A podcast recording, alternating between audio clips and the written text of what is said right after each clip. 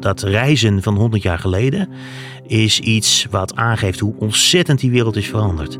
Dat beeld dat je net geeft over die mensen die in Amsterdam Weesperpoort met strohoeden staan te wachten totdat ze dat dagje uitmaken naar Muidenberg in plaats van dat ze naar Antalya gaan, uh, zal ik maar zeggen, is iets wat natuurlijk een, een, in no time veranderd is. Dit is René van den Broeke, directeur van het museum Stoomtram Horen Medemblik. Hij werkt er al sinds zijn zestiende. Met zijn topstuk neemt hij ons mee naar een tijd waarin reizen nog iets heel bijzonders is. Sterker nog, waarin reizen soms zelfs dodelijk is.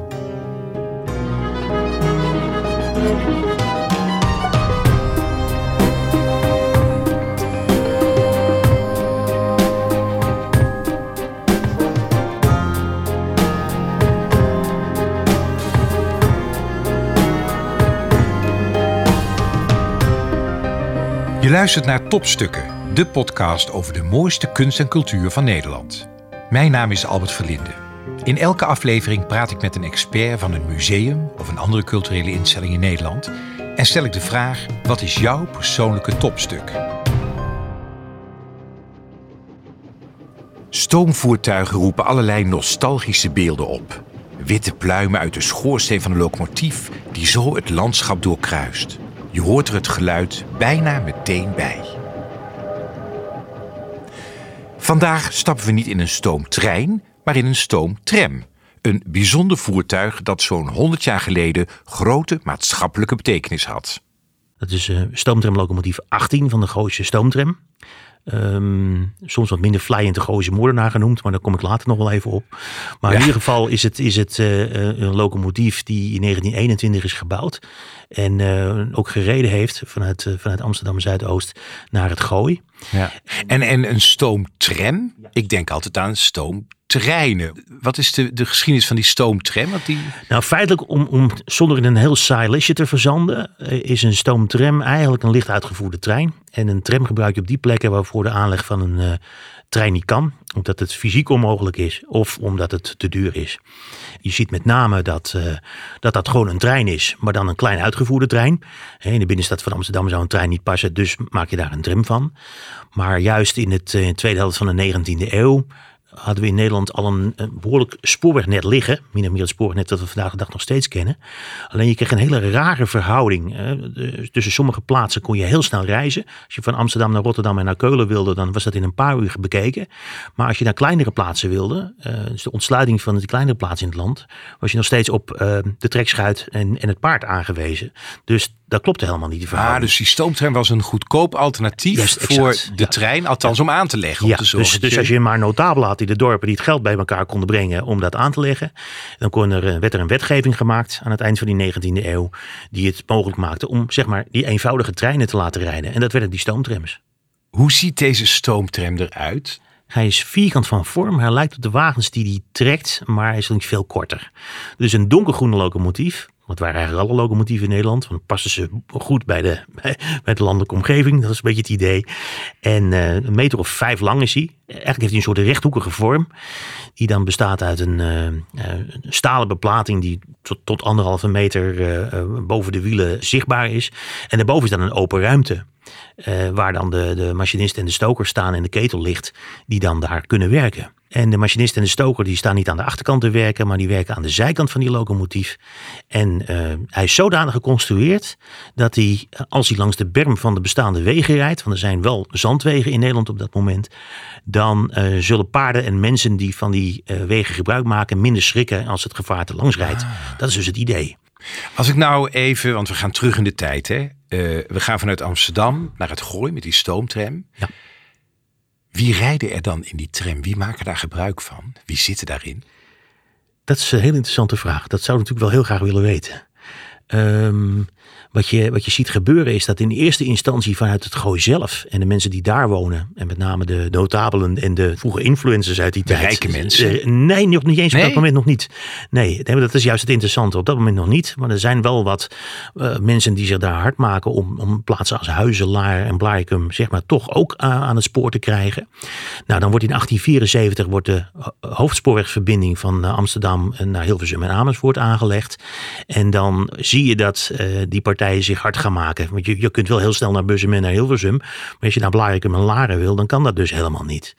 En um, dus uiteindelijk komt het geld bij elkaar om zo'n kleine trein, zo'n tramlijn aan te Dus leggen. iedereen is aan het knokken dat je van Amsterdam naar al die plaatsen Ja, in het gooi toe kunt. Dat het niet één grote verbinding is van A naar B, maar dat er allerlei Ja. haltes tussen ja, zitten. Ja, precies. En dan gebeurt er iets, iets wat eigenlijk ehm, niet helemaal verwacht is. Maar wat blijkt nou, dat plaatsen als Laren en Blarikum, dat zijn hele authentieke Nederlandse. En eigenlijk op dat moment best nog wel arme dorpen ook. Dat is bijna niet voor te stellen. Maar wel heel erg authentiek. Dus wat gebeurt er? Ehm, welgestelde Amsterdammers, die gaan met die tram, want dat is nu mogelijk, naar die dorpen toe. Om te kijken hoe dat authentieke Nederland er in hun achtertuin eigenlijk uitziet. Want daarvoor lukte dat eigenlijk niet. Niet makkelijk. Een soort dagje uit Het is een eigenlijk. dagje uit. Dus het is een heel vroeg dagje uit om dan die stoomtram daarvoor al te gebruiken. Dus dan praat ik over begin ah, jaren 1880. En wat, wat ontdekken die Amsterdammers dan? Die, hey, verrek, dat is een mooie plek. En het is niet eens al te ver van Amsterdam af.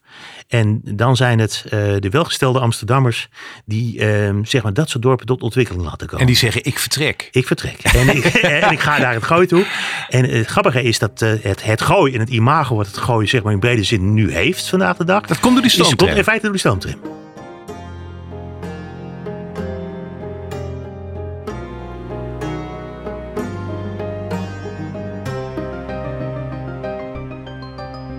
Gingen er ook arme mensen mee? Of was Nee, dat echt nee, niet? dus eigenlijk is het best een elitair fenomeen. Op het moment dat die trein komt, dus heeft het een beetje dezelfde ontwikkeling doorgemaakt als het vliegverkeer. In het begin is het onbetaalbaar en gebruik je het eh, als een soort, eh, als iets waar je heel lang van tevoren over spreekt. We gaan naar New York toe en we hebben daar jaren voor gespaard. En eh, nou ja, nog even hebben we een low-cost maatschappij en dan kan je met je bijna staanplaatsen naar New York, zal ik maar zeggen. Ja. Als het zo doorgaat, hè? Even, even gechargeerd. Maar een beetje in die sfeer moet je dat zien. Dus vanaf zo de periode rond 1880, dan is het eh, ehm, het, het zuidoostelijk deel van Amsterdam, dat dan een dagje naar Muidenberg gaat. eh, en dan eh, of eh, van die stoomtram gebruik maakt, om- omdat het echt niet anders kan. En dat bijvoorbeeld in omgekeerde richting. Dus je woont in, in Laren en Blarikum en je moet naar een, ehm, naar een specialistische dokter of zo. Of familie die aan de Oh, andere kant dus dan, dan gebruik je dat vervoermiddel omdat het echt niet anders kan. Maar het is niet een, dat forensisme wat we tegenwoordig kennen. Dat bestaat helemaal niet. Nee. Dus het is een heel kleinschalig vervoer. Heel mooi is, eh, daar zijn foto's van, eh, van Amsterdam Weesperpoortstation, waar die stoomtram vandaan vertrekt. Hier in Amsterdam Zuidoost. Waarin je ziet dat dames met feestelijke jurken en mannen met strohoeden eh, op een mooie zondagmiddag in een overvolle tram stappen. Die dat ze inderdaad dan naar Muidenberg brengt. Want dat is dan het dagje uit. En daar is dan het strand dicht bij Amsterdam. Waar men kan verpozen en genieten van de warme zomerdag. En dan praat ik over naar jaren twintig. Deze stoomtram vervoert niet alleen passagiers, maar ook goederen en post. Het is echt een multifunctioneel vervoermiddel. De tram is voor veel mensen de belangrijkste verbinding met de buitenwereld. Voor de een is alleen net iets toegankelijker dan voor de ander. De meeste dorpelingen in het Gooi zijn in die tijd straatarm. Een kaartje voor de stoomtram is dan ook kostbaar en niet iets dat ze zich makkelijk kunnen veroorloven. In tegenstelling tot de wat rijkere Amsterdammers. Toch is de tram ook voor hen geen alledaags vervoermiddel. Het is vooral het idee van we gaan iets bijzonders doen. Ja. Dat is het. het is, je komt ook op zo'n groot station aan, zo'n Amsterdam Beesperpoortstation. Dat zag er ook heel voornaam uit. Het is zo anders dan dat je tegenwoordig even snel de CS inrent om je OV-kaart te scannen om snel de trein te kunnen halen. Ja, het is de sfeer van dat je, dat je aan boord stapt en echt een reis gaat maken. Ten eerste zat er al relatief veel eerste klas in die tram. Dus mensen die zich al die reis konden veroorloven, die reizen ook maar vaak gelijk eerste klas. En hoe ziet zo'n luxe coupé eruit? Hoe ziet zo'n wagon eruit? Wagon, is, is wel heel fraai. Als je hem ziet staan, dan is het een beetje zoals je een rijtuig uittekent in zo'n Amerikaanse westernfilm. Maar dan helemaal van teakhout uitgevoerd. Dus dat was erg fraai. Zeker in het gooi koos men voor mooie rijtuigen. En ehm, ja, als je daar nu binnenkomt, dan ziet het er heel sfeervol uit. Het heeft, eh, doordat het van hout is, gelakt teakhout, heeft het een hele voorname uitstraling. Dus dat is wel een, eh, een eh, daar straalt wel een bepaalde rijkdom uit. Ja. En de tweede klas, hoe ziet die eruit? Ook die heeft dat hoor. Die, is- Ja? die is wel helemaal eh tiekhout en gelakt. Maar ik denk als je, nou laat zo zeggen, anderhalf, twee uur onderweg was van Laren naar Amsterdam. En je kon het betalen. Dan is het gouden moeite waard om toch voor het eerste klaskaartje te gaan. Dat zou ik, kan ik me wel voorstellen. Ja. En een deel van zo'n rijtuig was dan eh, zeg maar eh, voorzien van pluchekussens in plaats van houten bankjes. Dat was dan het verschil. En er zat een soort afscheidende deur in tussen de eerste en de tweede klas. Zodat die mensen elkaar niet hoefden te zien. Want zo zat de wereld dan nog wel in elkaar op dat moment. En dan, eh, eh, ja, dan kon je inderdaad, als je dan dubbele betaalde, op het pluche reizen, op een zacht kussentje zitten in plaats van op een hard kussentje. Kijk. En in het geval van het gooi was het dan nog zo, want we hebben ook nog twee rijtuigen die bij die locomotief hoorden. Dat waren rijtuigen die zeg maar, op Amerikaanse bouwstijl waren geïnspireerd. Dat was helemaal in een mode aan het begin van de 20e eeuw. Dus eh, als het een mooie dag was, kon je ook nog op een balkon staan aan het eind eh, van de Oh. wagon. En dan, ja, dan, dan stond je dus buiten. En, en die ruik je zo'n stoomtrein? Ja, die- zeker. Ja, ja, ja. ja. Even de Maar ook als je erin zit, krijg ja, je die stoom. dingen waar je natuurlijk tegenwoordig mee zit, is dat ze natuurlijk met steenkool werken. En eh, dat is natuurlijk voor het proces heel mooi. Maar ja, dat was natuurlijk wel in een tijd waarin men met, eh, aan, aan milieuvervuiling niet zo vreselijk nadacht. Dus zo kwam je aan in Muiden en zei iedereen, je ruik, je eh, bent zeker met die stoomtrein ja, ja, gekomen. ja, klopt. Ja, ja, zeker. Die jurk die kon wel de was in aan het eind van de dag. Dat was wel duidelijk, ja. We kijken nu misschien met nostalgie naar deze stoomtram, maar destijds was het iets revolutionairs. Tot die tijd moest je vanuit Amsterdam namelijk met een paard, boot of koets naar het gooi. Een reis die al gauw zes keer zo lang duurde, vergeleken met de stoomtram. Hij kon harder dan hij, die deed. Maar oorspronkelijk eh, werden ze aangelegd voor 15 km per uur. En in latere jaren is dat zeg maar opgehoogd tot nou, zeg maar 45, 45, 50 km per uur. Dat is niet snel en Nee. Toch wordt hij de Gooise moordenaar genoemd. Ja. Waarom is dat? Ja. Die trimlijnen die moeten ehm, met weinig geld worden aangelegd. Dus wat gebeurt er? Er worden afspraken gemaakt met de ehm, ehm, wegbeheerders van bestaande wegen die er liggen. En eh, die zijn er wel, maar dat zijn over het algemeen zeg maar, onverharde wegen. Waar dan wandelaars en paarden bijvoorbeeld van gebruik maken. Daar wordt die langs gelegd. En die stoomtram rijdt maar een paar keer per dag.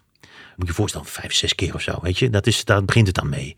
Dus die, die medeweggebruiker, van de paard kun je het natuurlijk helemaal niet verwachten, maar van de, van de wandelaar eh, misschien wel. Die let eigenlijk niet zo vreselijk goed op op wat daar gebeurt. Dus die maakt gewoon van die trambaan gebruik of die loopt daar pal langs. En die denkt, ach, hij komt toch nooit Precies, voorbij. hij komt toch nooit voorbij. Dus het is meer de schuld van de medeweggebruiker. Ja. Dat kan natuurlijk, dat kan natuurlijk van iemand die vanuit, de, vanuit het spoormuseum redeneert eh, op verwacht. Maar in ieder geval, eh bottom line is dat er, dat er behoorlijk wat ongelukken worden veroorzaakt. Uiteindelijk vallen er toch wel echt meer dan 100 slachtoffers in de loop van de tijd. Dus dat is echt wel, zou tegenwoordig wel een reden zijn om een stevige eh, inspectie te gaan stellen. kamervragen te stellen, te stellen. ja. En, en nou, die worden dan in staat gesteld in de krant die, eh, die het voor het openbaar vervoer opneemt. Dus dat maakt het op een gegeven moment ook niet makkelijker in de jaren 30. Maar in die begintijd, ja, gebeurt dat zeker. Er gebeurt ook één zwaar ongeluk in 1927. Als, eh, als er extra trams onderweg zijn naar Muidenberg, hè, waar het strand is op een mooie zomerdag. En dan, eh, ja, dan wordt er een rangeerfout gemaakt en, en botsen er twee trams op elkaar. En er zijn meerdere doden bij te betreuren. Dus dat is wel de grootste tramramp die in Nederland plaatsvindt in, in Laren in 1927. Ondertussen volgen de innovaties en uitvindingen in de jaren 30 elkaar snel op. Waaronder een motortram. En de naam zegt het al, deze beweegt zich niet met stoom voort, maar met behulp van een verbrandingsmotor. En dat betekent dan ook het einde voor locomotief 18, die vanaf 1935 niet langer wordt ingezet. Althans, niet voor passagiers. Omdat hij natuurlijk relatief nieuw was, een gemiddelde trein gaat 30, 40 jaar mee, ehm, is hij verkocht naar een eh, suikerfabriek in Roosendaal. En eh, daar werden ehm, bieten gelost met, die met paarden, paard en wagen aankwamen vanuit eh, diverse landbouwgebieden. En die moesten vanaf een verzamelpunt naar een, eh, naar een fabriek worden gebracht. Oh, waar ze dus die chique dame, die al die chique mensen met die hoeden en die jurken en die pakken, Ja. die kregen ineens allemaal suiker, suikerbieten in. in- Ja, dat is wel het zich. verhaal, ja. Ja, dat is een beetje een trieste eh, einde. Ja, dat is een beetje het lot wat veel van dit soort eh, objecten dan treft. Van op een gegeven moment, ja, als de glamorous job achter de rug is, eh, dan is het, eh, ja, dan wordt het vergooi verruild voor een, voor een suikerfabriekje. Ja.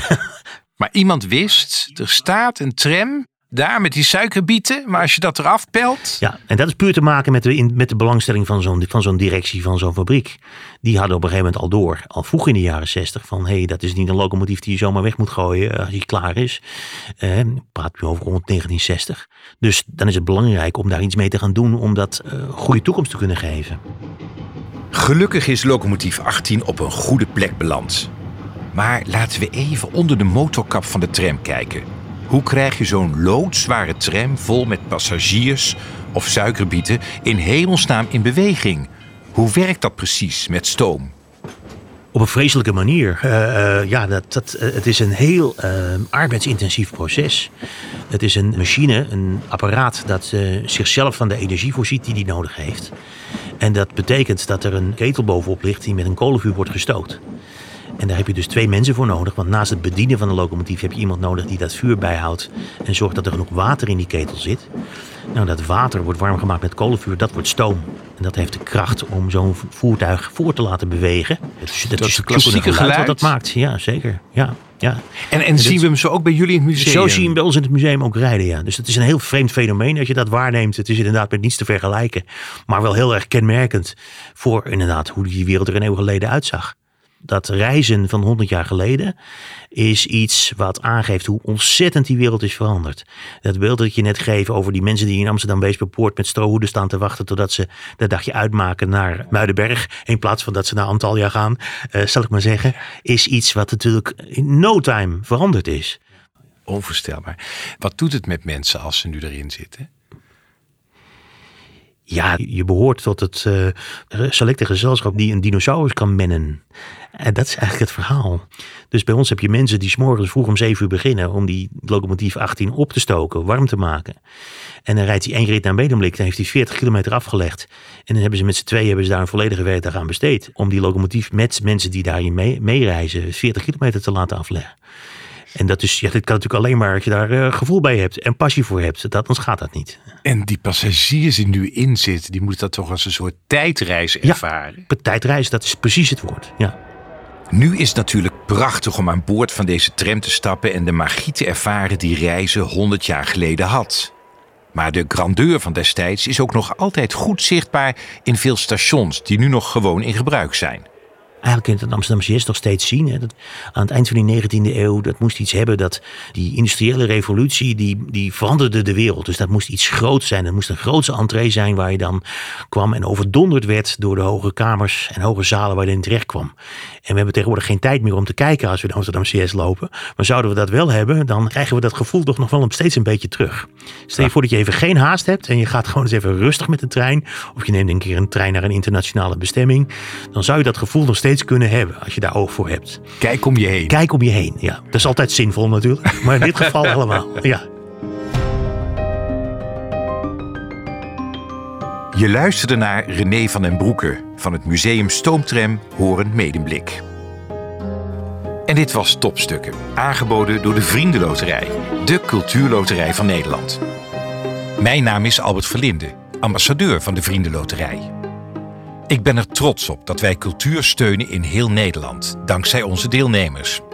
En als je meespeelt in de Vriendenloterij, ontvang je een VIP-kaart waarmee je korting krijgt de leukste uitjes en gratis ruim 125 musea kunt bezoeken. Dus ook Museum Stoomtram Horen Medemblik in Hoorn.